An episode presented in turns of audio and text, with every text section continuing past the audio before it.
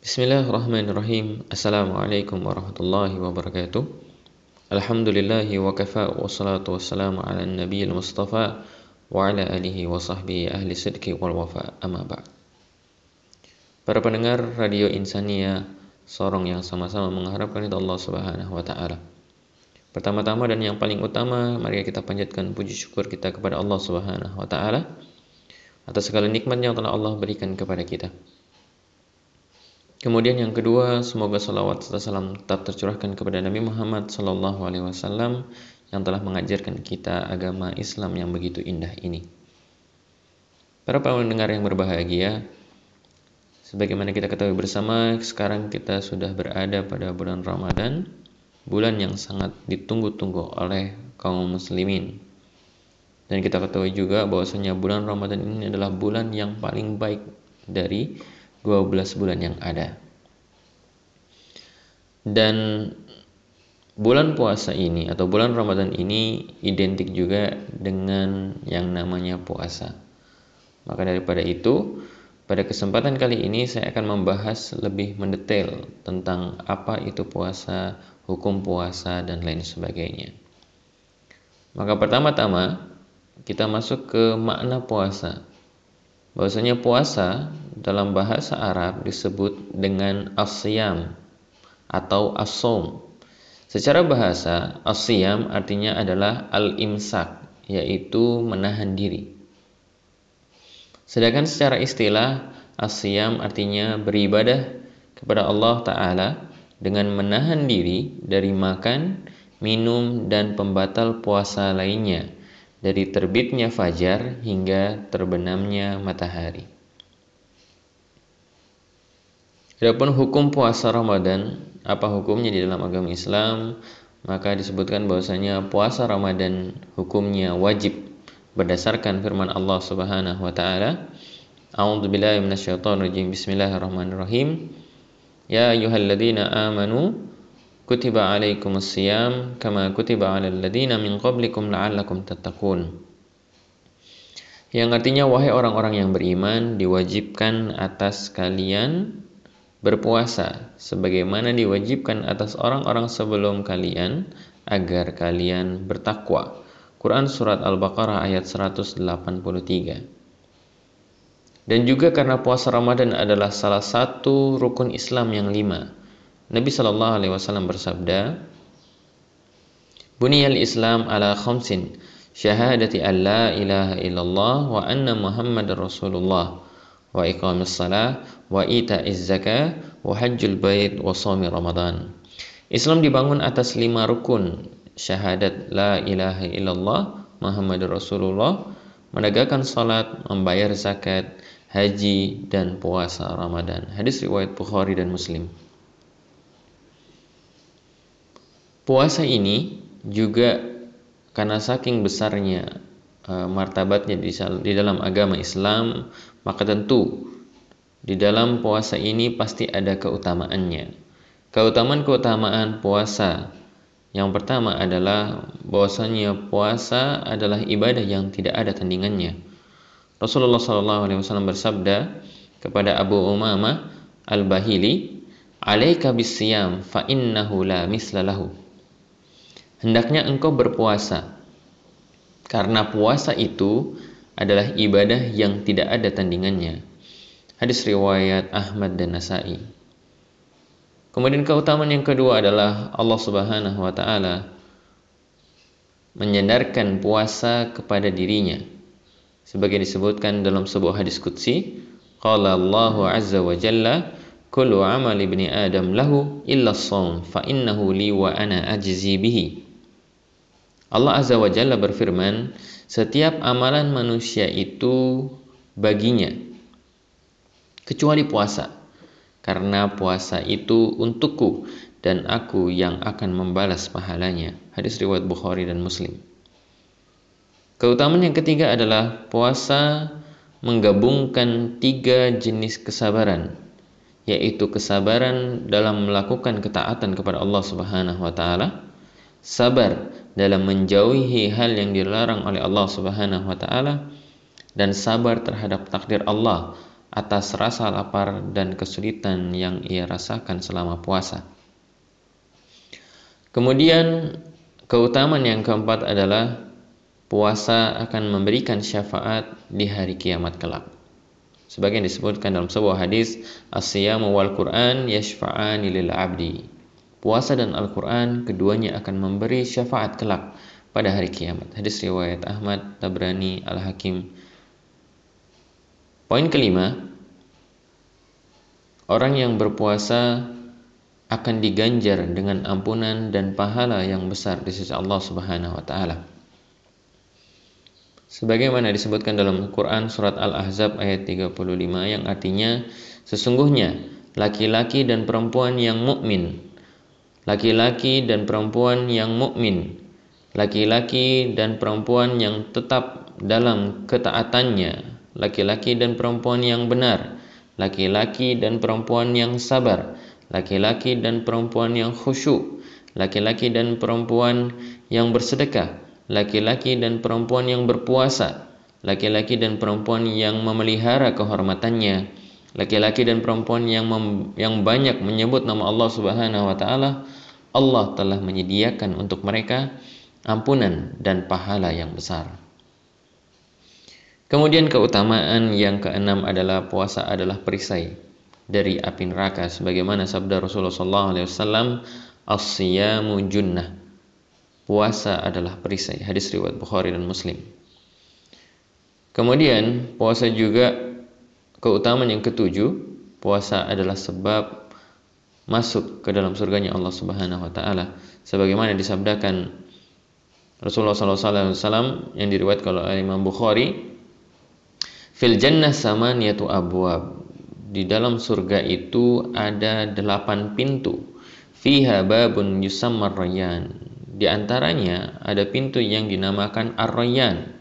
La yadkhuluhu illa shaimun tidak akan memasuki pintu tersebut yaitu pintu ar-rayyan kecuali orang-orang yang berpuasa Kemudian dari sebuah ibadah selain ada keutamaannya tentu ada hikmah-hikmah yang bisa kita ambil. Kenapa Allah Subhanahu wa taala mensyariatkan puasa kepada kita? Hikmah yang pertama, kenapa disyariatkannya puasa kepada kita adalah puasa adalah wasilah untuk mengokohkan ketakwaan kita kepada Allah Subhanahu wa taala. Kemudian yang kedua, Puasa juga membuat orang merasakan nikmat Allah Ta'ala. Kemudian yang ketiga, mendidik manusia dalam mengendalikan keimanan dan kesabaran dan menahan diri. Yang keempat, puasa menahan laju godaan syaitan. Yang kelima, puasa menimbulkan rasa iba dan sayang kepada kaum miskin. Dan yang keenam, puasa membersihkan badan dari elemen-elemen yang tidak baik dan membuat badan menjadi sehat. Para pendengar insania yang sama-sama mengharapkan Allah Subhanahu wa taala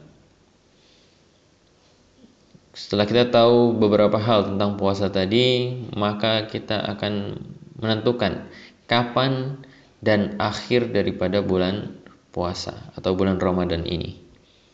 Yang pertama, kita harus wajib menentukan awal bulan Ramadan dengan ru'yatul hilal atau dengan cara melihat hilal. Bila hilal tidak terlihat, maka bulan Sya'ban digenapkan menjadi 30 hari. Para ulama telah melakukan ijma akan hal ini, tidak ada khilaf di antara mereka. Jadi kita ketahui bahwasanya bulan Ramadan atau bulan dalam 12 bulan tersebut sebetulnya kebanyakan adalah 29 hari. Tapi ketika kita tidak melihat pada hari ke-29 tersebut eh, apa namanya? bulannya atau hilalnya, bulan sabitnya, maka kita sempurnakan bulan Sya'bannya menjadi 30 hari. Kemudian para ulama juga mensyaratkan minimal satu orang yang melihat hilal untuk bisa menetapkan terlihatnya hilal Ramadan. Jadi bila ada seseorang telah mengaku dia seorang muslim yang baik dan lain sebagainya dia mengaku bahwasanya bulan dia melihat hilal hilal bulan Ramadan maka telah masuk berarti besoknya kita sudah bisa puasa puasa Ramadan. Kemudian untuk menentukan akhir daripada bulan Ramadan juga kita melakukan daripada ru'yatul hilal lagi. Yaitu bila tidak akan tetapi apabila tidak terlihat maka bulan Ramadan juga kita sempurnakan menjadi 30 30 hari. Dan ini juga termasuk ijma daripada para ulama Adapun metode metode ada dua ya, ada dua metode dalam agama Islam untuk menentukan apakah Eh, bulan Ramadan atau bulan Syawal telah masuk, ada menggunakan metode ru'yah yaitu dengan cara melihat dan ada juga metode hisab yaitu dengan cara menghitung atau peredaran daripada bulan tersebut. Maka kita bisa bisa memilih daripada antara kedua hal tersebut walaupun para ulama kita dari dulu menggunakan metode metode ru'yah. Tapi kalau kita mau memakai metode hisab pun insya Allah tidak tidak masalah. Allah Taala alam. Kemudian uh, rentang waktu puasa. Jadi dari mana sampai mana kita diwajibkan untuk mengerjakan puasa. Jadi puasa ini dimulai ketika sudah terbit fajar sodik atau fajar yang kedua jadi nanti uh, fajar itu akan terbagi menjadi dua. Yang pertama fajar sodik, yang kedua fajar fajar kadib. Jadi fajar sodik itu adalah ketika kita melihat cahaya fajar ini, ada cahaya di ufuk sana yang dia melingkari daripada ufuk. Nah, ini berarti kita sudah masuk daripada fajar sodik atau waktu subuh Adapun sebetulnya sebelum daripada fajar ini sebetulnya ada fajar lagi. Itu namanya fajar fajar kadib atau fajar yang bohong. Maksudnya apa? E, kalau kita sudah melihat fajar kadib ini, maka sebetulnya itu belum masuk waktu waktu subuh dan tandanya adalah seperti ekor serigala.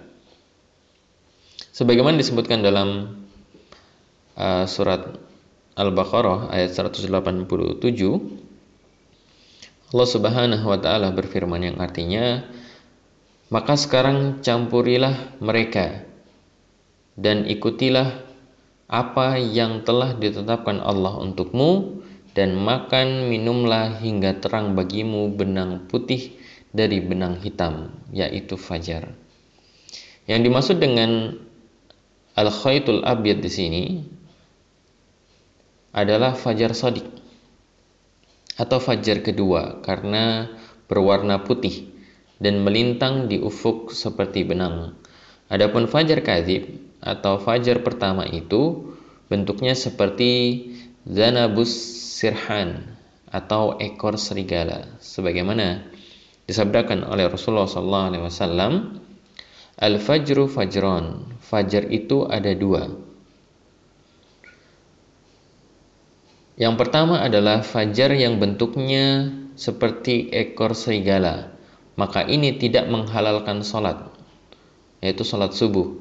Dan tidak mengharamkan makan. Maksudnya kita masih bisa makan di situ. Kedua adalah fajar yang memanjang di ufuk. Ia menghalalkan sholat, maksudnya sudah waktu masuk waktu subuh dan mengharamkan makan. Yaitu kita sudah tidak boleh makan yaitu sudah dimulainya daripada puasa.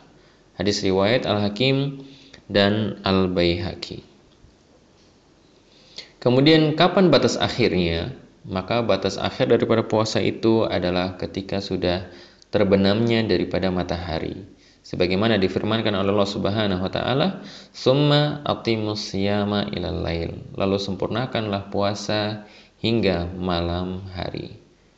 Dan juga Rasulullah SAW bersabda, jika datang malam dari sini dan telah pergi siang dari sini dan terbenam matahari, maka orang yang berpuasa boleh berbuka. atau menyelesaikan daripada puasanya. Mungkin ini aja dulu yang bisa saya sampaikan. Insya Allah pada pertemuan selanjutnya akan saya bahas lebih mendetail lagi tentang apa itu rukun puasa, apa syarat sahnya puasa, apa pembatal-pembatal puasa dan lain sebagainya. Semoga Allah Subhanahu wa taala menerima puasa Ramadan kita. Amin ya rabbal alamin. Billahi taufiq wal hidayah. Assalamualaikum warahmatullahi wabarakatuh. Bismillahirrahmanirrahim. Assalamualaikum warahmatullahi wabarakatuh. Alhamdulillahi wa kafa wa salatu wa salamu ala nabiil mustafa wa ala alihi wa sahbihi ahli sidki wal wafa amma ba'du. Para pendengar radio Insania Sorong yang sama-sama mengharapkan Allah Subhanahu wa taala, marilah pertama-tama kita panjatkan puji syukur kita kepada Allah Subhanahu wa taala atas segala nikmat yang telah Allah berikan kepada kita. Kemudian salawat serta salam semoga tetap tercurahkan kepada Nabi Muhammad sallallahu alaihi wasallam yang telah mengajarkan kita agama Islam yang begitu indah ini. Para pendengar sekalian, pada pertemuan yang lalu sudah saya bahas tentang apa itu puasa, kemudian waktunya kapan, kemudian hikmah dan faidah apa saja yang kita bisa ambil daripada puasa. Maka pada kesempatan kali ini kita masih melanjutkan tentang pembahasan tentang puasa ini Pembahasan yang pertama akan kita bahas adalah syarat sahnya puasa. Jadi syarat apa saja yang harus terpenuhi ketika seorang akan melakukan daripada ibadah puasa. Syarat pertama adalah dia harus beragama Islam.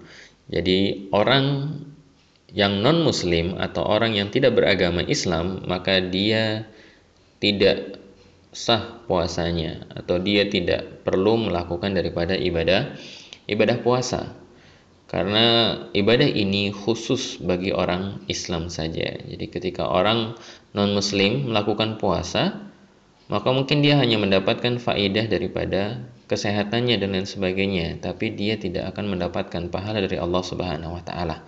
Karena syarat sahnya dia untuk berpuasa adalah dia harus beragama Islam. Jadi kalau dia beragama Islam barulah dia sah puasanya atau teranggap di sisi Allah Subhanahu wa taala. Kemudian syarat kedua adalah dia harus balik. Apa yang dimaksud dengan balik? Balik ini adalah untuk laki-laki tandanya adalah dia sudah keluar air maninya atau dia mimpi basah atau istilah bahasa Arabnya adalah ihtilam. Adapun bagi perempuan yaitu ketika dia sudah datang bulan atau sedang haid, maka ini menunjukkan bahwasanya dia sudah dia sudah balik.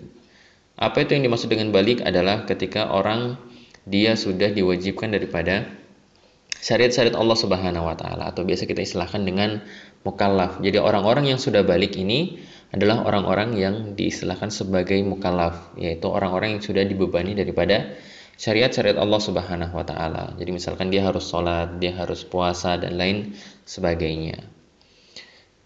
Jadi orang yang sudah balik baru sah puasanya. Adapun orang yang sebelum dia balik atau masih anak-anak, maka tidak apa-apa dia berpuasa tapi masih belum sah daripada puasanya. Tapi disangat disunahkan atau dianjurkan bagi anak-anak kita untuk dilatih bagaimana dia berpuasa. Kemudian selanjutnya adalah berakal. Orang yang berpuasa harus berakal. Jadi kalau dia tidak berakal, maka puasanya tidak sah. Misalkan ada orang gila, dia berpuasa dari uh, pagi hari sampai malam hari. Walaupun dia berpuasa tapi tidak sah di dalam agama Islam karena dia tidak berakal. Jadi harus berakal dulu baru dia baru dia diterima daripada puasanya. Kemudian yang keempat adalah mukim atau tidak dalam keadaan safar. Jadi orang bersafar sebetulnya boleh juga dia puasa, tapi eh, yang paling utama adalah eh, untuk orang mukimnya. Jadi orang mukim itu dia wajib puasa. Ya tidak ada alasannya. Kecuali nanti kita akan sebutkan sebab-sebab kenapa dia diberi keringanan untuk tidak berpuasa. Jadi syarat selanjutnya adalah dia harus mukim. Kemudian syarat selanjutnya dan ini khusus untuk wanita adalah suci dari haid dan nifas. Jadi perempuan yang mengalami haid atau nifas maka mereka tidak diperbolehkan untuk puasa. Kalau misalkan dia memaksakan diri untuk puasa, maka puasanya tidak teranggap sah karena tidak boleh. Jadi tetap dia harus menggantinya pada uh, bulan-bulan uh, lainnya. Jadi ketika seorang perempuan mengalami haid dan nifas, maka dia tidak boleh melakukan daripada puasa tersebut. Dan kita ketahui juga bahwasanya perempuan juga tidak boleh sholat ketika dia sedang haid ataupun ataupun nifas. Jadi kalau dia tetap mau puasa juga ketika haid dan nifas, maka puasanya tidak sah karena syarat sahnya adalah dia harus suci dari haid dan nifas. Kemudian yang selanjutnya adalah mampu berpuasa. Dia harus mampu berpuasa. Orang yang tidak mampu berpuasa, maka dia dilarang untuk berpuasa karena bisa membahayakan daripada dirinya. Kemudian yang selanjutnya adalah niat. Kita perlu untuk menghadirkan niat dalam puasa kita. Karena e, niat ini termasuk e, bagian yang penting sekali dalam ibadah. Jadi kita harus menghadirkan niat kita untuk melaksanakan ibadah kepada Allah Subhanahu wa taala. Bahkan para ulama mengatakan bahwasanya niat ini adalah setengah daripada agama. Karena kita ketahui bersama bahwasanya ketika seorang melakukan ibadah niatnya sudah benar tapi amalannya salah, maka ibadahnya tersebut tidak diterima. Misalkan orang ingin melakukan sholat subuh niatnya sudah ikhlas karena Allah Subhanahu wa taala. Tapi ternyata dia melakukan sholat subuh sebanyak 4 rakaat, maka tidak sesuai dengan hadis-hadisnya, maka sholatnya tidak diterima walaupun niatnya sudah benar. Begitupun sebaliknya, misalkan seorang sholat subuh dua rakaat, tapi ternyata niatnya tidak karena Allah Subhanahu wa taala, pengen dilihat orang riak dan lain sebagainya. Maka sholat subuhnya ini juga tidak diterima oleh Allah Subhanahu wa taala. Jadi niat ini sangat penting. Jadi seorang harus menghadirkan niatnya ketika akan melakukan daripada ibadah puasa. Kemudian selanjutnya ada sunnah-sunnah yang sangat dianjurkan di dalam agama Islam ketika dilakukan oleh seorang yang sedang berpuasa. Sunnah yang pertama adalah sunnah-sunnah terkait ketika kita berbuka puasa. Yang pertama adalah disunahkan menyegarakan berbuka. Jadi jangan tunda-tunda daripada berbuka kita. Makanya kalau kita istilahkan ya ketika kita berbuka puasa itu ada istilahnya dengan takjil ya. Takjil itu secara bahasa Arab artinya menyegerakan. Yaitu kita menyegerakan daripada berbuka puasa. Jadi sunnahnya adalah boleh kita mengakhirkan berbuka boleh, tapi yang paling bagus adalah Ketika sudah azan, maka kita menyegerakan daripada berbuka puasa. Kemudian selanjutnya berbuka puasa dengan beberapa butir rutop atau kurma segar. Jadi kurma itu ada beberapa jenis, maksudnya dari segi kematangannya ya. Ada yang pertama rutop, rutop itu kurma yang masih segar atau masih mengkal ya, masih nggak terlalu matang banget. Nanti juga ada yang namanya tamar. Tamar itu kurma yang sudah kering, yang banyak beredar di toko-toko uh, dan lain sebagainya. Jadi tadi sunahnya adalah berbuka puasa dengan beberapa butir rutop, yaitu kurma segar. Jika tidak ada, maka dengan beberapa butir tamar atau kurma yang sudah kering. Jika tidak ada, maka dengan beberapa teguk air, air putih. Itu sunnah urutan sunnahnya. Kemudian selanjutnya berdoa ketika berbuka dengan doa yang diajarkan oleh Rasulullah SAW yaitu zahabad doma'u wa batallatil uruku wa sabatal ajru insyaallah. Kemudian sunnah-sunnah yang terkait dengan makan sahur. Yang pertama adalah makan sahur hukumnya sunnah muakkadah. Sunnah muakkadah itu adalah sunnah yang sangat-sangat dianjurkan oleh Allah Subhanahu wa taala dan rasulnya. Dianggap sudah makan sahur jika makan atau minum di waktu sahar walaupun hanya sedikit dan di dalam makanan sahur itu terdapat keberkahannya. Jadi disunahkan kita orang yang akan berpuasa yaitu memakan sahur. Kemudian disunahkan juga mengakhirkan makan sahur mendekati waktu terbitnya fajar. Kalau tadi buka puasa kita disunahkan menyegerakan, adapun untuk waktu sahur kita disunahkan untuk mengakhirkannya ketika dekat-dekat dengan waktu fajar atau azan subuh. Pada waktu yang tidak dikhawatirkan datangnya waktu fajar ketika masih makan sahur. Jadi gitu ya, disunahkan kita mengakhirkan daripada sahur. Dan juga ada beberapa kesalahan ya, ketika istilah-istilah yang digunakan di dalam bahasa Indonesia atau di Indonesia ini kita kenal dengan yang namanya imsak ya. Imsak itu yang ada di Indonesia itu sebetulnya masih dibolehkan daripada makan. Jadi batas terakhir orang makan atau sahur itu adalah azan subuh, bukan imsak. Dan imsak ini Allah Ta'ala alam sepertinya cuma ada di daerah Indonesia saja. Allah Ta'ala alam di luar Indonesia ada atau tidak. Tapi beberapa teman-teman yang saya tanya yang ada di luar negeri, mereka mengatakan bahwasanya imsak tidak ada di negara mereka sebagaimana yang adanya di negara Indonesia. Dan imsak ini selalu 10 menit sebelum azan subuh. Tujuannya apa sebetulnya? Tujuannya di sini adalah untuk kita berjaga-jaga bahwasanya 10 menit lagi akan datang waktu subuh. Artinya kita tidak boleh makan dan tidak boleh minum lagi. Jadi sebetulnya bahkan Rasulullah SAW makan sahurnya itu ketika waktu imsak yaitu kurang lebih 10 atau 15 menit sebelum azan subuh. Itu sebetulnya disunahkan makan sahurnya.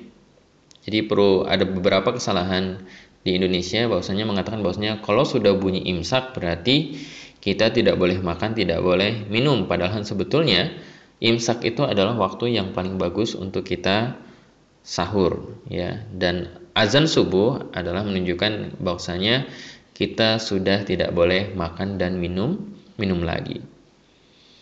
Kemudian selanjutnya sunnah-sunnah yang lainnya adalah Orang yang berpuasa wajib meninggalkan semua perbuatan yang diharamkan agama dan dianjurkan untuk memperbanyak daripada melakukan ketaatan kepada Allah Subhanahu wa taala seperti bersedekah, membaca Al-Qur'an, salat-salat sunnah, zikir, membantu orang lain dan lain sebagainya atau iktikaf dan lain sebagainya. Kemudian membaca Al-Qur'an adalah amalan yang lebih dianjurkan untuk diperbanyak pada bulan Ramadan. Bahkan sebagian salaf, yaitu ulama-ulama terdahulu kita, tidak mengajarkan ilmu di bulan Ramadan agar bisa fokus memperbanyak membaca Al-Quran dan mentadaburinya. Karena emang Al-Quran ini salah satu yang menjadi kemuliaan bulan Ramadan adalah karena Al-Quran ini diturunkan pada bulan Ramadan. Jadi menjadi sebuah keistimewaan bagi bulan Ramadan adalah Allah Subhanahu wa taala turunkan puasa ini atau turunkan Al-Quran ini pada bulan suci Ramadan. Jadi itu tadi adalah beberapa hal-hal yang disunahkan kita untuk melakukannya pada bulan bulan suci Ramadan. Semoga Allah Subhanahu wa taala memudahkan daripada puasa kita dan insya Allah pada pertemuan selanjutnya kita akan membahas tentang orang-orang yang diberi keringanan apa saja yang orang-orang diberi keringanan untuk tidak melakukan puasa dan juga mungkin kita akan membahas tentang pembatal-pembatal apa saja yang bisa ketika orang melakukannya maka puasanya menjadi batal dan juga apa saja hukuman bagi orang-orang yang membatalkan puasanya atau melakukan pembatal-pembatal puasa yang dilarang oleh Allah Subhanahu wa taala. Semoga Allah Subhanahu wa taala menerima daripada puasa-puasa kita pada bulan Ramadan ini. Amin ya rabbal alamin. Terima kasih atas perhatiannya. Billahi taufik wal hidayah. Assalamualaikum warahmatullahi wabarakatuh. Bismillahirrahmanirrahim. Assalamualaikum warahmatullahi wabarakatuh. Alhamdulillahi wa kafa wa salatu wa salamu ala nabil mustafa wa ala alihi wa sahbihi alisidki wal wafa amma ba'du. Para pendengar Radio Insania, seorang yang sama-sama mengharapkan itu Allah Subhanahu wa taala Pertama-tama marilah kita panjatkan puji serta syukur kita kepada Allah Subhanahu wa taala atas segala nikmat yang telah Allah berikan kepada kita. Kemudian salawat serta salam semoga tetap tercurahkan kepada Nabi Muhammad sallallahu alaihi wasallam yang telah mengajarkan agama Islam yang kita peluk ini. Para pendengar sekalian, pada pertemuan yang lalu telah kita bahas tentang puasa, syarat sahnya dan lain sebagainya. Maka pada kesempatan kali ini, insya Allah ini adalah uh, bagian yang terakhir tentang pembahasan puasa kita. Kita akan mulai dengan pembahasan tentang orang-orang yang dibolehkan tidak berpuasa. Jadi kita ketahui bersama bahwasanya puasa itu diwajibkan bagi setiap umat muslim. Tapi ada beberapa golongan yang ketika dia mengalami beberapa hal dia dibolehkan untuk tidak berpuasa. Orang pertama yang dibolehkan untuk tidak berpuasa adalah orang yang sakit, yang mana sakitnya ini bisa membahayakan dirinya jika berpuasa.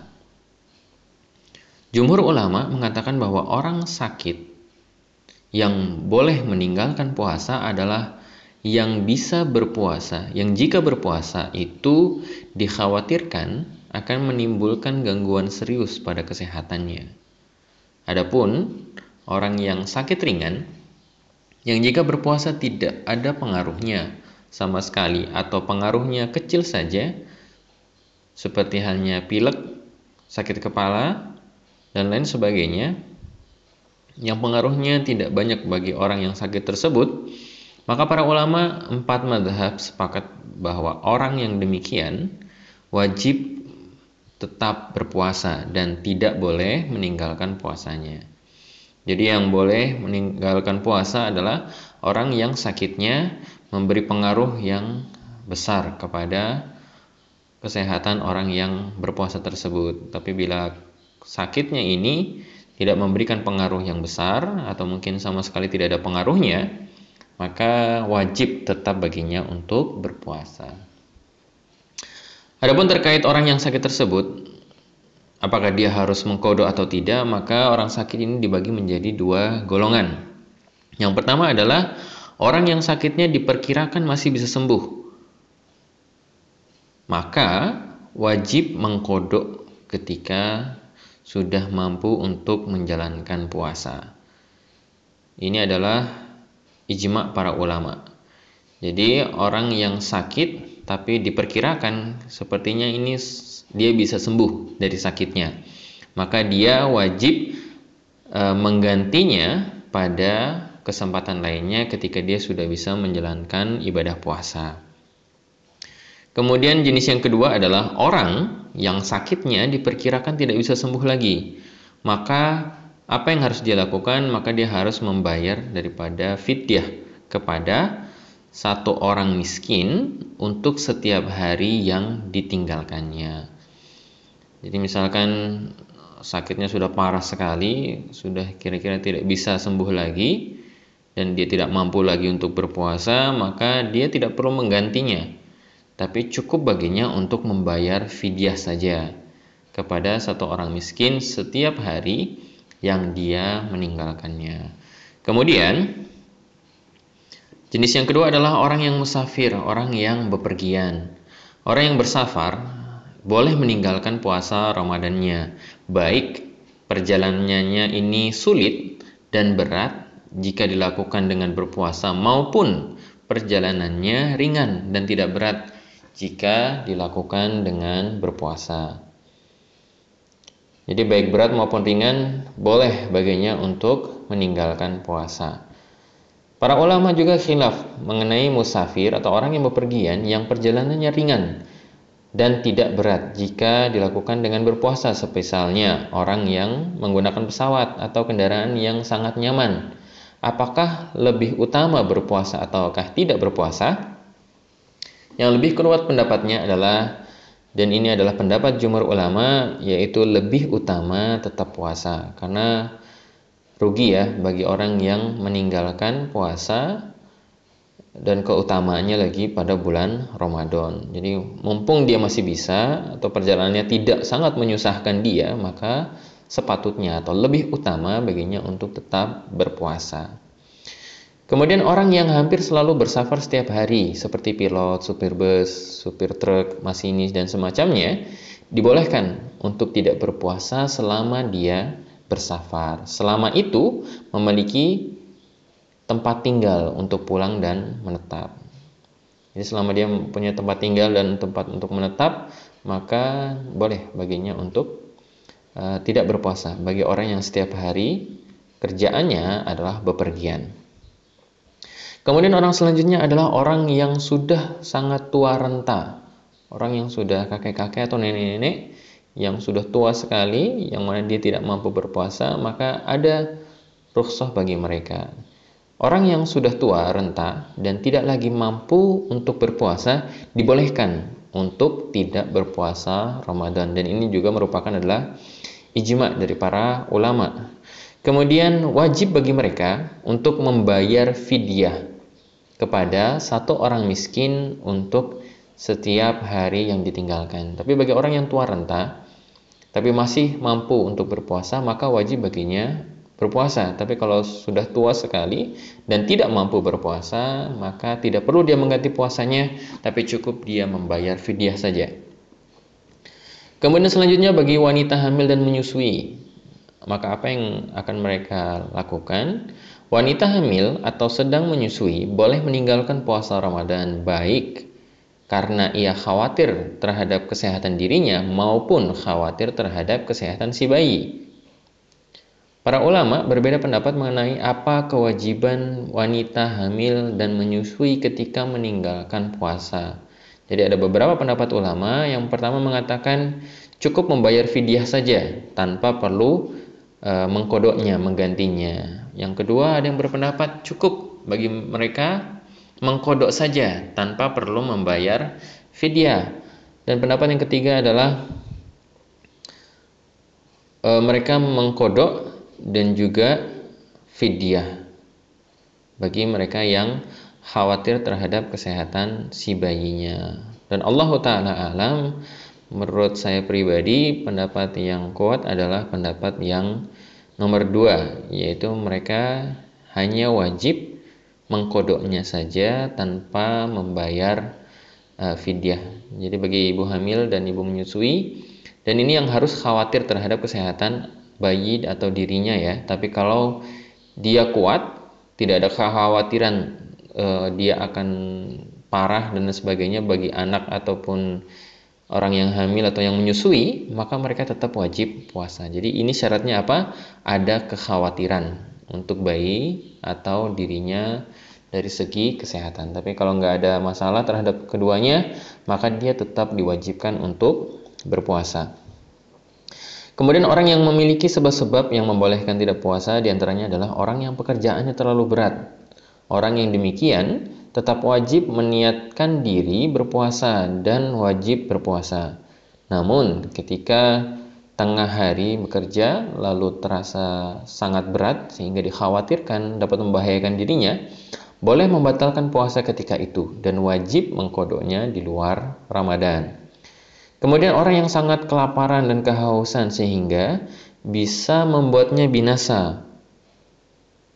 Maka Orang yang demikian wajib berbuka dan mengkodonya pada hari lainnya. Kemudian orang yang dipaksa untuk berbuka atau dimasukkan makanan dan minuman secara paksa ke mulutnya, orang yang demikian boleh berbuka dan mengkodoknya di hari lain dan ia tidak berdosa karenanya dikarenakan dia dipaksa bukan atas kemauannya sendiri. Tapi puasanya batal, tapi dia harus menggantinya pada hari yang lainnya. Kemudian orang yang berjihad di jalan Allah Subhanahu wa taala, dia boleh untuk tidak berpuasa. Jadi misalkan suatu daerah diserang dan kita sedang berpuasa, maka kita dibolehkan untuk tidak berpuasa karena perang membutuhkan tenaga dan biasanya orang yang berpuasa akan sedikit mengurangi daripada kekuatannya. Makanya disebutkan dalam sebuah hadis riwayat Muslim, Rasulullah SAW bersabda, sesungguhnya musuh kalian telah mendekati kalian, maka berbuka itu lebih menguatkan kalian dan itu merupakan rukhsah atau keringanan dari Allah Subhanahu wa taala. Kemudian kita masuk ke pembatal-pembatal puasa. Jadi hal-hal ini ketika terjadi pada diri kita, maka kita telah batal puasanya. Yang pertama adalah makan dan minum dengan sengaja. Orang yang makan dan minum dengan sengaja, maka dia batal puasanya. Tapi bila dia tidak sengaja, misalkan kita makan atau minum, ternyata kita lupa, tidak sadar bahwasanya kita sedang puasa, maka tidak puas, tidak batal puasa kita. Walaupun misalkan kita makannya sampai satu piring atau dua piring, tapi selama kita tidak sadar ya atau kita tidak ingat bahwasanya kita sedang puasa. Jadi syaratnya di sini adalah makan dan minum dengan sengaja. Kalau tidak sengaja, lupa dan sebagainya, maka tidak apa-apa puasa kita tidak batal. Karena dikatakan bahwasanya ketika kita lupa sesungguhnya Allah telah memberikan makan dan juga memberi minum kita. Kemudian selanjutnya adalah keluarnya darah haid dan nifas. Jadi orang yang keluar haid, darah nifas dan haidnya, maka dia telah batal puasanya. Misalkan seorang perempuan sedang berpuasa, tiba-tiba tengah harinya eh, keluar darah haidnya, maka puasanya secara otomatis telah batal. Dia harus mengganti pada hari-hari lainnya. Kemudian orang yang gila atau pingsan ya ini mereka juga batal puasanya karena sebagaimana kita sebutkan pada pertemuan yang lalu bahwasanya syarat sahnya orang yang puasa adalah dia harus berakal sedangkan orang gila ini tidak berakal maka langsung secara otomatis dia batal puasanya kemudian selanjutnya riddah atau murtad keluar dari agama keluar dari agama Islam orang yang keluar dari agama Islam maka otomatis puasanya langsung batal karena syarat sahnya seorang yang berpuasa adalah dia harus beragama Islam. Kemudian selanjutnya berniat untuk berbuka. Jadi misalkan kita berniat saya sudah mau berbuka saja, maka niatnya ini sudah cukup baginya untuk membatalkan daripada puasanya. Kemudian selanjutnya syurpu dukhon atau bahasa Indonesianya itu merokok ya. Merokok ini juga membatalkan puasa karena apa? Kayak dalam bahasa Arab itu disebutkan orang merokok itu disilahkan sebagai syurbud dukhon. Syurbun itu minum dukhon itu asap. Jadi meminum asap. Karena ini masuk ke dalam eh, rongga-rongga uh, dalam tubuh kita sehingga ini juga membatalkan daripada puasa kita Kemudian selanjutnya jima atau melakukan hubungan suami istri di tengah hari puasa. Ini tidak boleh. Yang boleh setelah malam hari, ketika malam hari seorang suami istri boleh melakukan hubungan suami istri. Tidak masalah. Tapi untuk siang hari, maka ini dilarang dalam agama Islam. Tidak hanya membatalkan puasa mereka, tapi juga mereka diwajibkan untuk membayar kafarohnya. Kafarohnya itu apa saja? Yaitu membebaskan seorang budak jika dia tidak ada atau tidak mampu memerdekakan budak, maka dia harus puasa dua bulan secara berturut-turut. Tidak boleh putus. Ketika dia putus satu hari, maka dia harus mulai dari awal lagi. Jadi harus dua bulan berturut-turut. Kemudian, jika dia tidak mampu, maka dia memberikan makan 60 orang miskin. Selanjutnya, yaitu hijamah atau bekam. Untuk masalah ini, hijamah atau bekam ini para ulama berbeda pendapat. Ada yang berpendapat bahwasanya hijamah ini membatalkan puasa dan ada yang berpendapat tidak membatalkan puasa. Allah Ta'ala alam, saya lebih condong ke pendapatnya jumhur ulama yang mengatakan bahwasanya uh, hijamah atau bekam ini mengeluarkan darah kotor dari tubuh kita, ini tidak membatalkan puasa. Kemudian selanjutnya donor darah. Ini sama halnya seperti bekam juga, jadi ada pendapat yang mengatakan membatalkan puasa dan tidak membatalkan puasa dan karena hijamah dengan bekam ya, bekam dan donor darah ini 11 12 mirip, maka untuk saya pribadi saya lebih condong ke pendapat jumhur ulama yang mengatakan bahwasanya tidak membatalkan puasa. Kemudian ada beberapa hal juga yang dia tidak membatalkan puasa atau dibolehkan kita melakukannya pada bulan puasa yaitu ketika kita mengakhirkan mandi hingga terbit fajar bagi orang yang junub. Jadi orang uh, misalkan malam harinya melakukan hubungan suami istri dan mandinya setelah terbit fajar itu tidak masalah. Yang tidak boleh adalah dia melakukannya hubungan suami istri ini ketika fajar hari. Kemudian berkumur-kumur dan melakukan istinsyak yaitu menghirup air ke hidung. Jadi ketika kita berwudu nggak apa-apa kita berkumur-kumur dan memasukkan air ke dalam hidung, tapi jangan terlalu e, tinggi sekali kita menghirupnya karena ditakutkan akan masuk ke airnya masuk ke dalam kerongkongan kita. Kemudian mandi di tengah hari puasa atau kita mendinginkan diri kita dengan air pada siang hari maka tidak membatalkan puasa kita. Kemudian mencicipi makanan ketika ada kebutuhan selama tidak masuk ke dalam tenggorokan atau kerongkongan maka itu tidak dipermasalahkan. Kemudian mencumbu atau mencium istri bagi yang mampu mengendalikan birahinya maka ini tidak dipermasalahkan tapi disarankan untuk tidak melakukannya karena ditakutkan berkelanjutan ya e, birahinya naik dan lain sebagainya. Kemudian memakai parfum dan wangi-wangian ini tidak dipermasalahkan menggunakan siwak atau sikat gigi juga tidak masalah bagi orang yang sedang berpuasa. Tapi e, bagusnya orang yang bersiwak atau menggosok gigi ini ketika baru-baru e, fajar ya, jangan pas siang hari. Siang hari pun tidak masalah, tapi ditakutkan e, banyak air yang masuk ke dalam tubuh kita. Kemudian menggunakan celak itu tidak masalah, menggunakan tetes mata juga tidak masalah, menggunakan tetes telinga pun tidak membatalkan daripada puasa puasa kita. Demikian yang dapat saya sampaikan. Semoga Allah Subhanahu wa taala menerima puasa kita dengan begitu banyak pahala dan juga Allah mengampuni daripada dosa-dosa kita. Billahi taufik wal hidayah. Assalamualaikum warahmatullahi wabarakatuh. Bismillahirrahmanirrahim. Assalamualaikum warahmatullahi wabarakatuh. Alhamdulillahi wa kafa wa salatu wa salamu ala nabiil mustafa wa ala alihi wa sahbihi ahli sidki wal wafa amma ba'du. Para pendengar radio Insania Sorong yang sama-sama mengharapkan Allah Subhanahu wa taala marilah Pertama-tama kita panjatkan puji syukur kita kepada Allah Subhanahu wa taala atas segala nikmat yang telah Allah berikan kepada kita. Kemudian salawat serta salam semoga tetap tercurahkan kepada Nabi Muhammad sallallahu alaihi wasallam yang telah mengajarkan kita agama Islam yang begitu indah ini. Para pendengar sekalian, pada pertemuan yang lalu sudah saya bahas tentang apa itu puasa, kemudian waktunya kapan, kemudian hikmah dan faidah apa saja yang kita bisa ambil daripada puasa.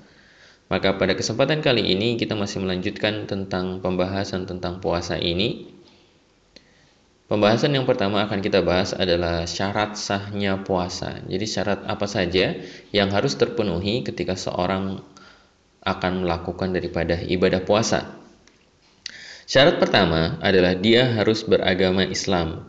Jadi orang yang non muslim atau orang yang tidak beragama Islam maka dia tidak sah puasanya atau dia tidak perlu melakukan daripada ibadah ibadah puasa karena ibadah ini khusus bagi orang Islam saja. Jadi ketika orang non-muslim melakukan puasa, maka mungkin dia hanya mendapatkan faedah daripada kesehatannya dan lain sebagainya, tapi dia tidak akan mendapatkan pahala dari Allah Subhanahu wa taala.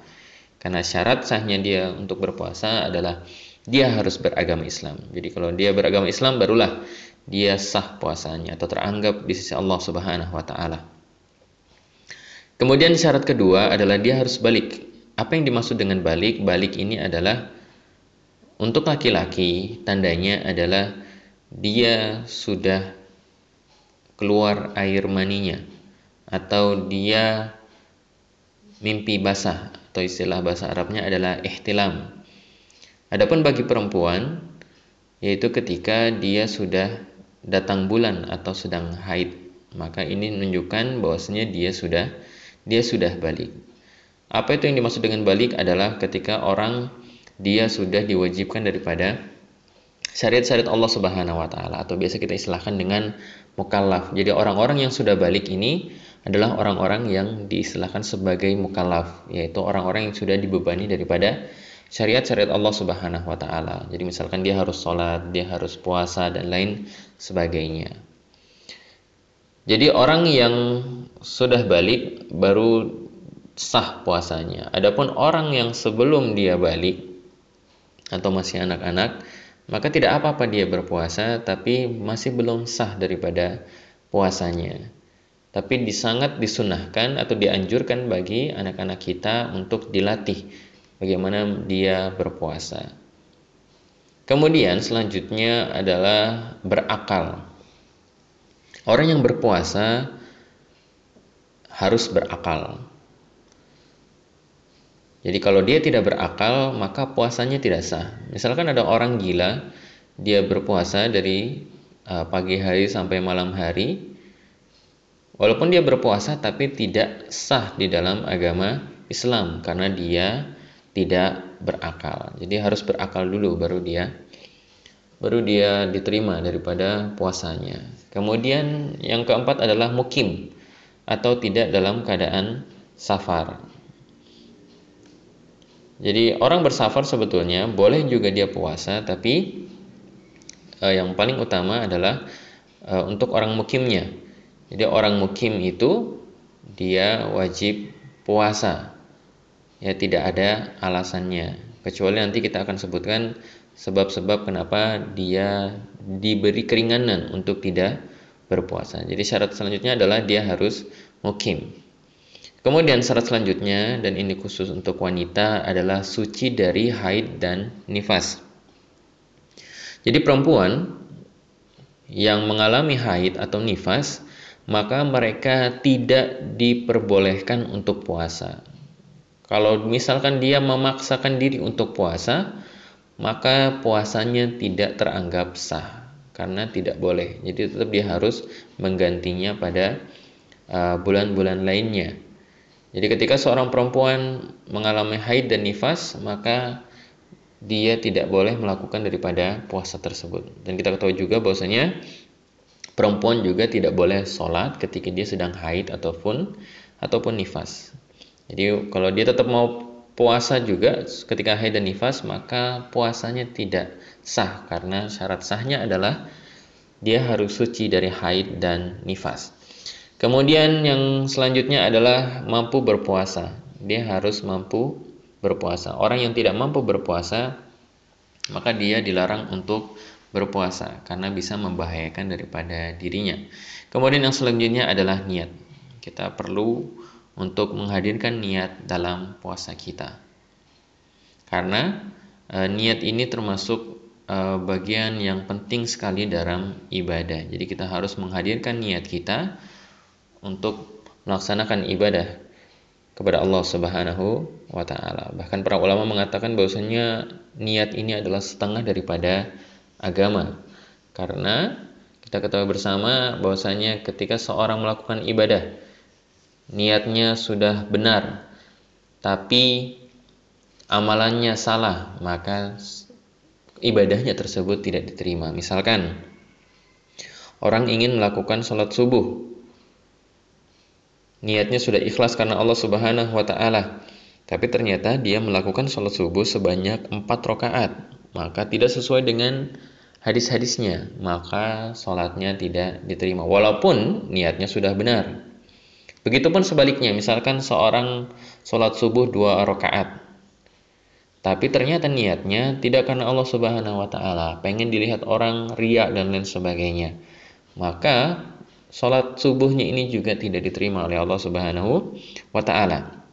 Jadi niat ini sangat penting. Jadi seorang harus menghadirkan niatnya ketika akan melakukan daripada ibadah puasa. Kemudian selanjutnya ada sunnah-sunnah yang sangat dianjurkan di dalam agama Islam ketika dilakukan oleh seorang yang sedang berpuasa. Sunnah yang pertama adalah sunnah-sunnah terkait ketika kita berbuka puasa. Yang pertama adalah disunahkan menyegarakan berbuka. Jadi jangan tunda-tunda daripada berbuka kita. Makanya kalau kita istilahkan ya ketika kita berbuka puasa itu ada istilahnya dengan takjil ya takjil itu secara bahasa Arab artinya menyegerakan itu kita menyegerakan daripada berbuka puasa. Jadi sunnahnya adalah boleh kita mengakhirkan berbuka boleh, tapi yang paling bagus adalah ketika sudah azan maka kita menyegerakan daripada berbuka puasa. Kemudian selanjutnya berbuka puasa dengan beberapa butir rutop atau kurma segar. Jadi kurma itu ada beberapa jenis, maksudnya dari segi kematangannya ya. Ada yang pertama rutop, rutop itu kurma yang masih segar atau masih mengkal ya, masih nggak terlalu matang banget. Nanti juga ada yang namanya tamar. Tamar itu kurma yang sudah kering, yang banyak beredar di toko-toko uh, dan lain sebagainya. Jadi tadi sunahnya adalah berbuka puasa dengan beberapa butir rutop yaitu kurma segar. Jika tidak ada, maka dengan beberapa butir tamar atau kurma yang sudah kering. Jika tidak ada, maka dengan beberapa teguk air, air putih. Itu sunnah urutan sunnahnya. Kemudian selanjutnya berdoa ketika berbuka dengan doa yang diajarkan oleh Rasulullah SAW yaitu zahabad doma'u wa batallatil uruku wa sabatal ajru insyaallah. Kemudian sunnah-sunnah yang terkait dengan makan sahur. Yang pertama adalah makan sahur hukumnya sunnah muakkadah. Sunnah muakkadah itu adalah sunnah yang sangat-sangat dianjurkan oleh Allah Subhanahu wa taala dan rasulnya. Dianggap sudah makan sahur jika makan atau minum di waktu sahar. Walaupun hanya sedikit. Dan di dalam makanan sahur itu terdapat keberkahannya. Jadi disunahkan kita orang yang akan berpuasa yaitu memakan sahur. Kemudian disunahkan juga mengakhirkan makan sahur mendekati waktu terbitnya fajar. Kalau tadi buka puasa kita disunahkan menyegerakan, adapun untuk waktu sahur kita disunahkan untuk mengakhirkannya ketika dekat-dekat dengan waktu fajar atau azan subuh. Pada waktu yang tidak dikhawatirkan datangnya waktu fajar ketika masih makan sahur. Jadi gitu ya, disunahkan kita mengakhirkan daripada sahur. Dan juga ada beberapa kesalahan ya, ketika istilah-istilah yang digunakan di dalam bahasa Indonesia atau di Indonesia ini kita kenal dengan yang namanya imsak ya. Imsak itu yang ada di Indonesia itu sebetulnya masih dibolehkan daripada makan. Jadi batas terakhir orang makan atau sahur itu adalah azan subuh, bukan imsak. Dan imsak ini Allah Ta'ala alam sepertinya cuma ada di daerah Indonesia saja. Allah Ta'ala di luar Indonesia ada atau tidak.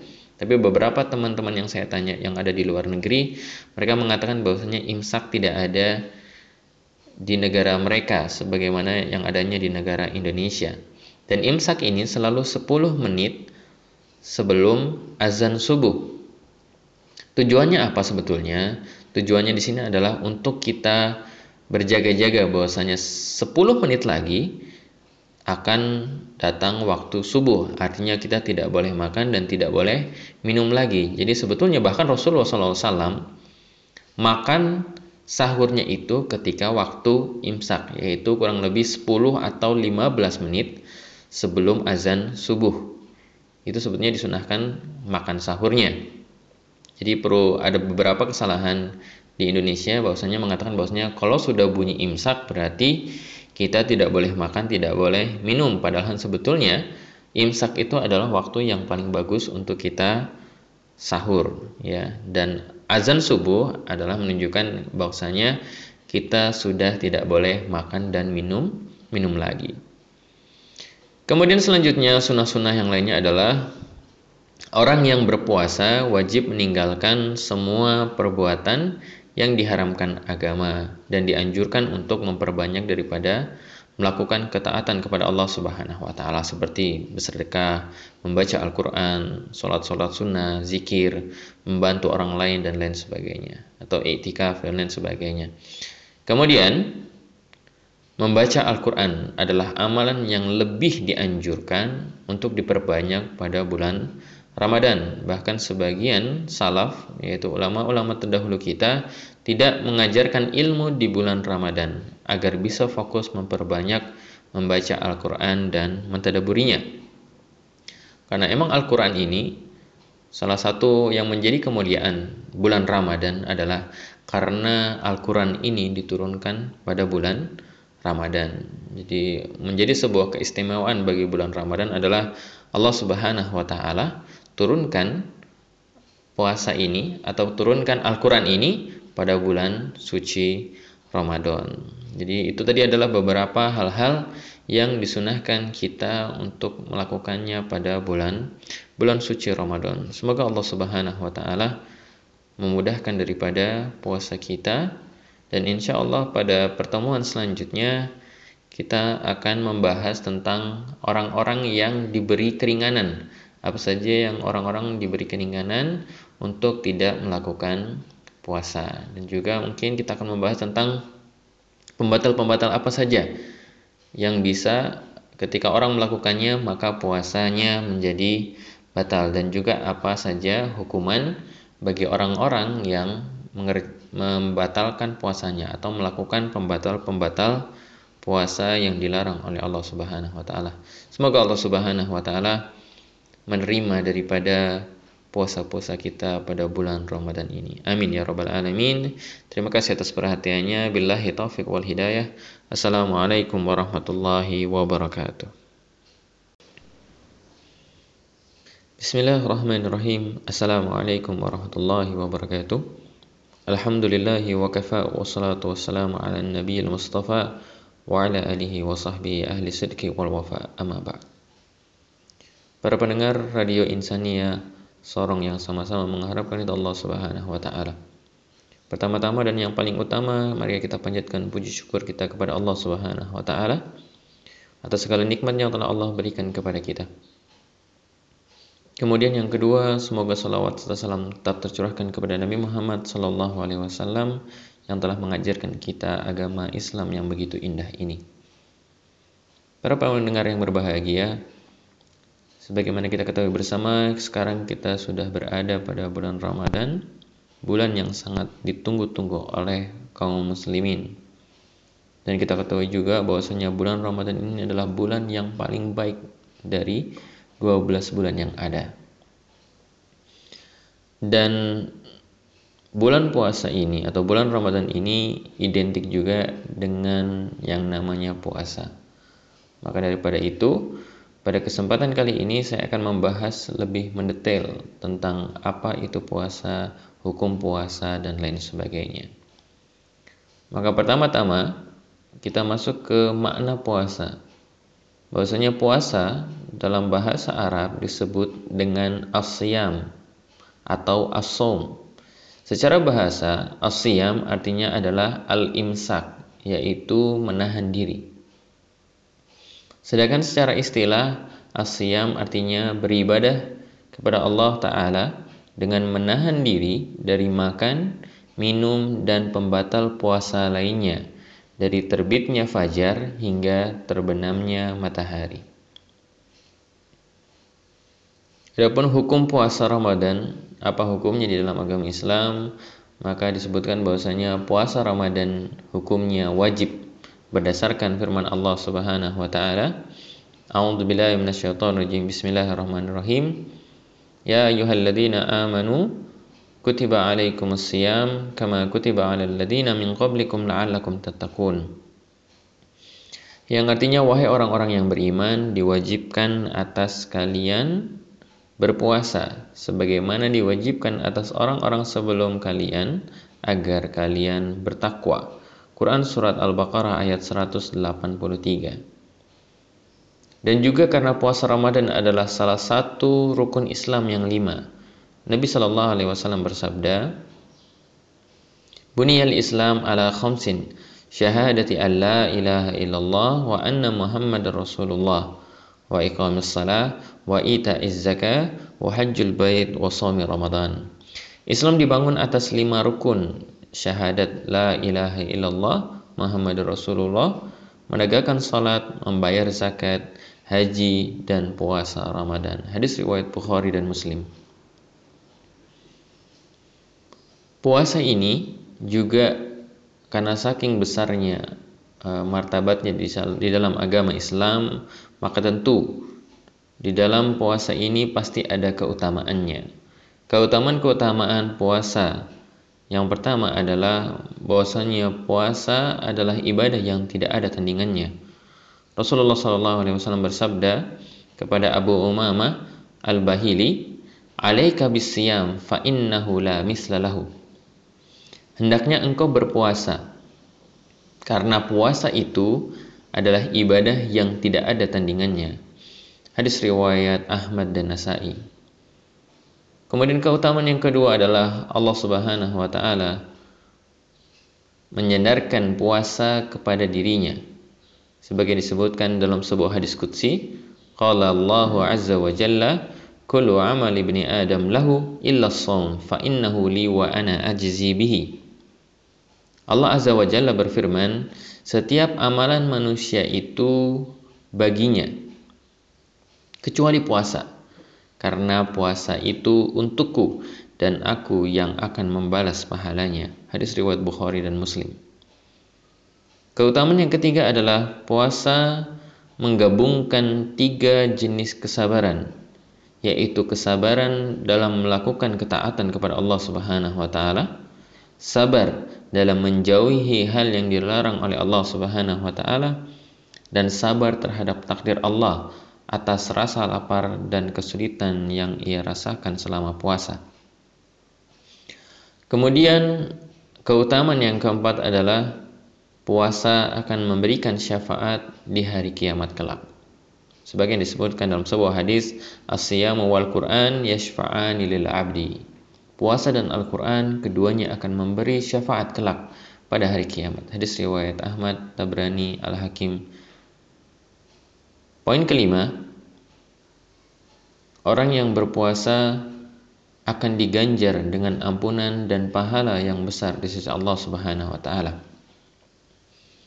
Sebagaimana disebutkan dalam Quran surat Al-Ahzab ayat 35 yang artinya sesungguhnya laki-laki dan perempuan yang mukmin laki-laki dan perempuan yang mukmin, laki-laki dan perempuan yang tetap dalam ketaatannya, laki-laki dan perempuan yang benar, laki-laki dan perempuan yang sabar, laki-laki dan perempuan yang khusyuk, laki-laki dan perempuan yang bersedekah, laki-laki dan perempuan yang berpuasa, laki-laki dan perempuan yang memelihara kehormatannya, laki-laki dan perempuan yang yang banyak menyebut nama Allah Subhanahu wa taala Allah telah menyediakan untuk mereka ampunan dan pahala yang besar.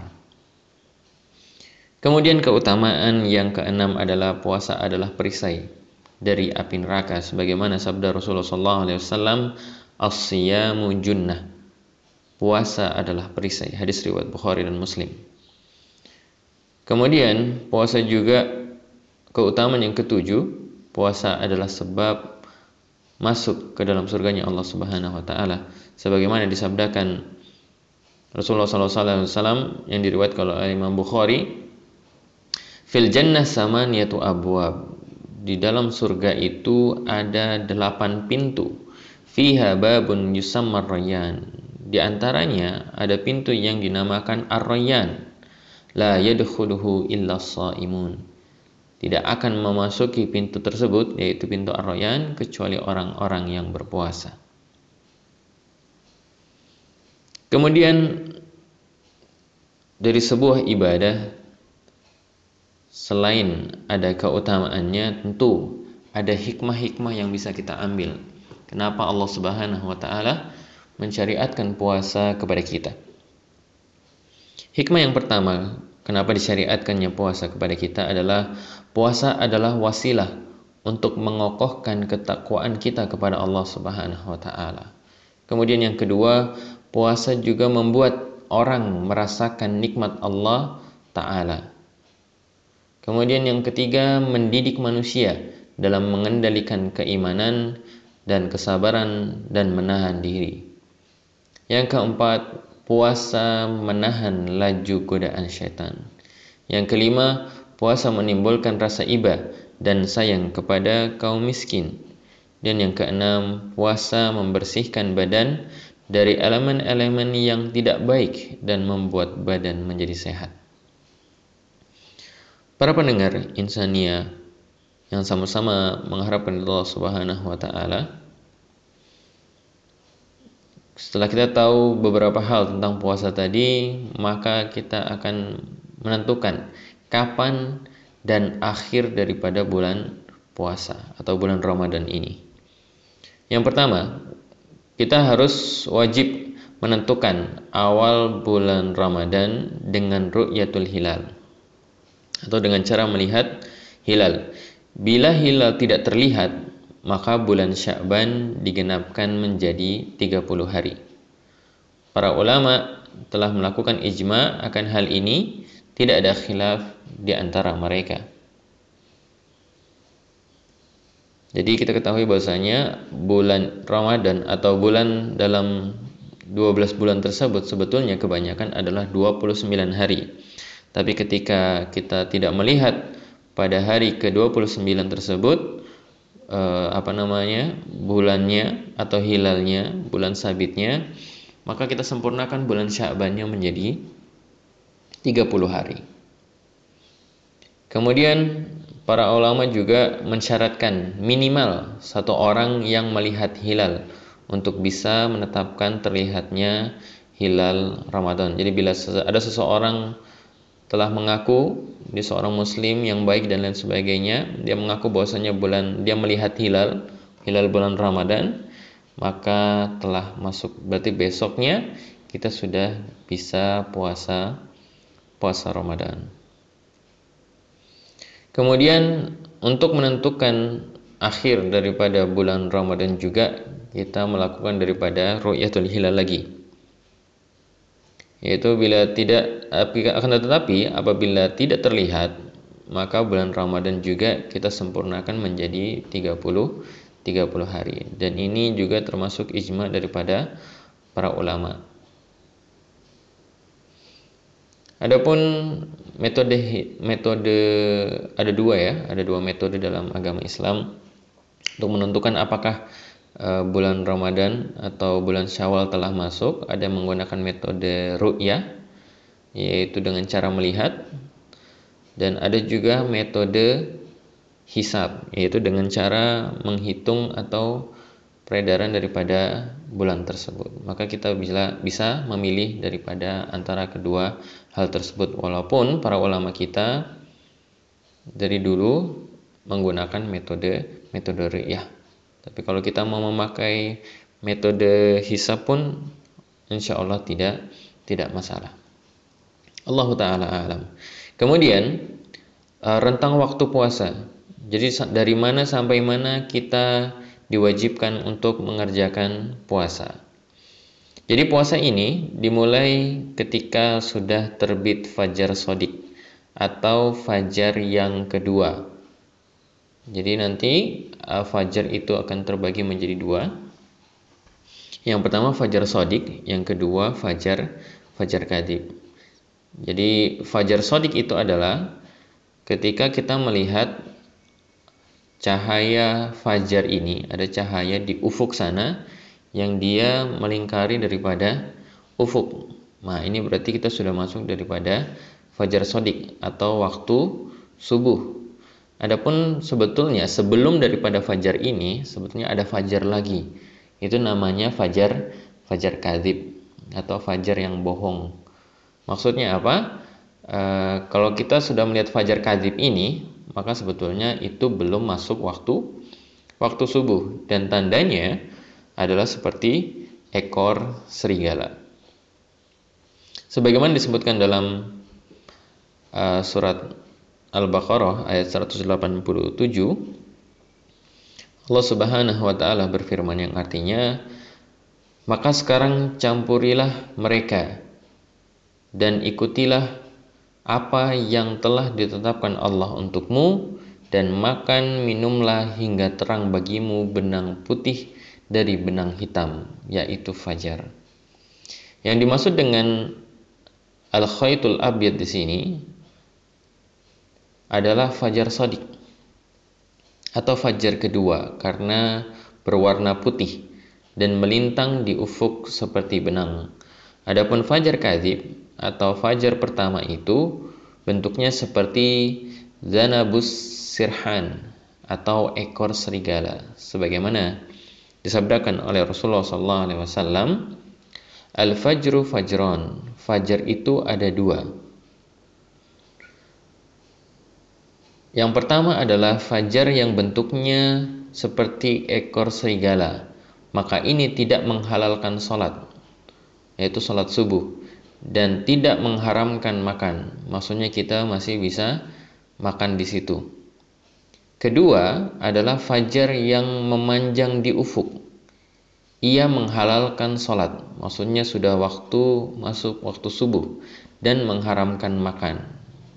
Yaitu kita sudah tidak boleh makan, yaitu sudah dimulainya daripada puasa. Hadis riwayat Al-Hakim dan Al-Baihaqi. Kemudian kapan batas akhirnya? Maka batas akhir daripada puasa itu adalah ketika sudah terbenamnya daripada matahari sebagaimana difirmankan oleh Allah Subhanahu wa taala summa atimus siyama ilal lail lalu sempurnakanlah puasa hingga malam hari dan juga Rasulullah SAW sabda jika datang malam dari sini dan telah pergi siang dari sini dan terbenam matahari maka orang yang berpuasa boleh berbuka atau menyelesaikan daripada puasanya Mungkin ini aja dulu yang bisa saya sampaikan. Insya Allah pada pertemuan selanjutnya akan saya bahas lebih mendetail lagi tentang apa itu rukun puasa, apa syarat sahnya puasa, apa pembatal-pembatal puasa dan lain sebagainya. Semoga Allah Subhanahu wa taala menerima puasa Ramadan kita. Amin ya rabbal alamin. Billahi taufiq wal hidayah. Assalamualaikum warahmatullahi wabarakatuh.